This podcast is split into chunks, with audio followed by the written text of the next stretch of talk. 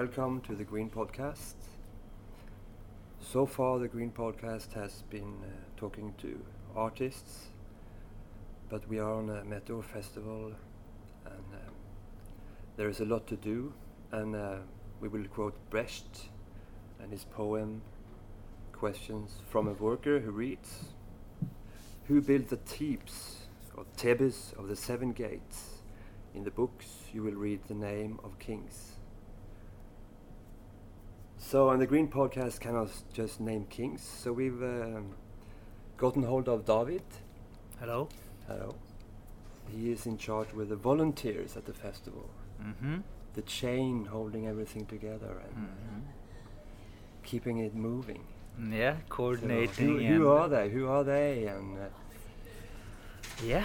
Uh, the volunteers, who are they? They're such a big group. It's uh, this year it's uh, 37, which is like uh, the average number of uh, we have of volunteers of, for these festivals. yeah. So who are they? Yeah. Um, well, there are a huge variety of the volunteers. Uh, some of the people come from the artistic um, education places we have. Some people are coming, but we'll Yeah, just talk. Uh, so we have people from the, the art academy, Yeah. people from uh, uh, theater science. We have uh, musicians and uh, hello, hello, and um, and then we have uh, some freelancers from the performing arts community, and then there's uh, people from many different nationalities. Yeah. I haven't counted this year, but it's uh, yeah, we have. Uh, Spain, France, Norway, Denmark, uh, Peru, Colombia. So people from all over the world, Yeah. or pe- people who live in Bergen, but there's the ma- very many different nationalities. yeah. So it's an international festival. hmm But uh, but what do they do then? They do an amazing job Yeah. to, to begin with.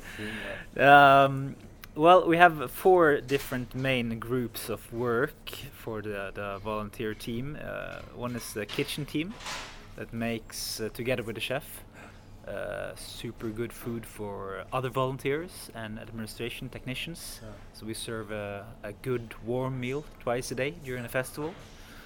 Um, so that's the kitchen team. And then we have people in the administration office, and that's like uh, varies a lot. Sometimes, well, it's an administration post, so it um, and it can be anything. Each uh, day is filled with different kind of small and big tasks from the office and ad- administration. Uh, and what what kind of task is that? um, it could be like uh, being the administration. Um, mm, what do you call it? The facade. Well, this year it's at Belgien, so it's mean like uh, welcoming people, Yeah. uh, presenting the program. If people have, uh, if the audience have like questions about where the venues are, Yeah. or how can I get information. Yeah. S- Uh, so that could be a, a task, and it could also be like uh, making sure the program is ready, folding, um, all, all kinds of different uh, work that goes around administration. Yeah. And then uh, there's another um, thing. It's like the audience host. That's also a big job for the volunteers.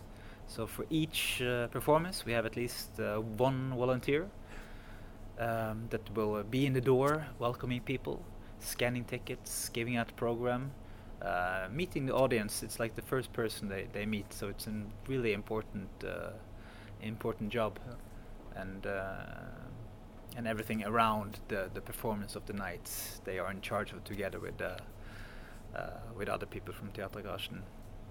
Uh, and then the, the last uh, place to volunteer work is something called uh, the runner, and that's also very many different tasks. Today, a person was sent out to get a, a 10 liter bucket. it could be to go and get a plant from one of the venues to another. Uh, so anything that needs to be tran- transported or bought or uh, delivered. So. Um, that's that's a little insight of what the volunteers do, but it's like a massive work and so many people uh, involved. Yeah, but uh, and you are in charge of that. You have been working and planning for them to to come and, and uh, and be here? How, how have you made them play so well together? um, well, we have some. Uh, the first thing we start with is, um, or first I recruit people. So then I visit uh, places where I think uh, people that are interested in becoming a volunteer are. It could be like uh, the theater places or art institutions.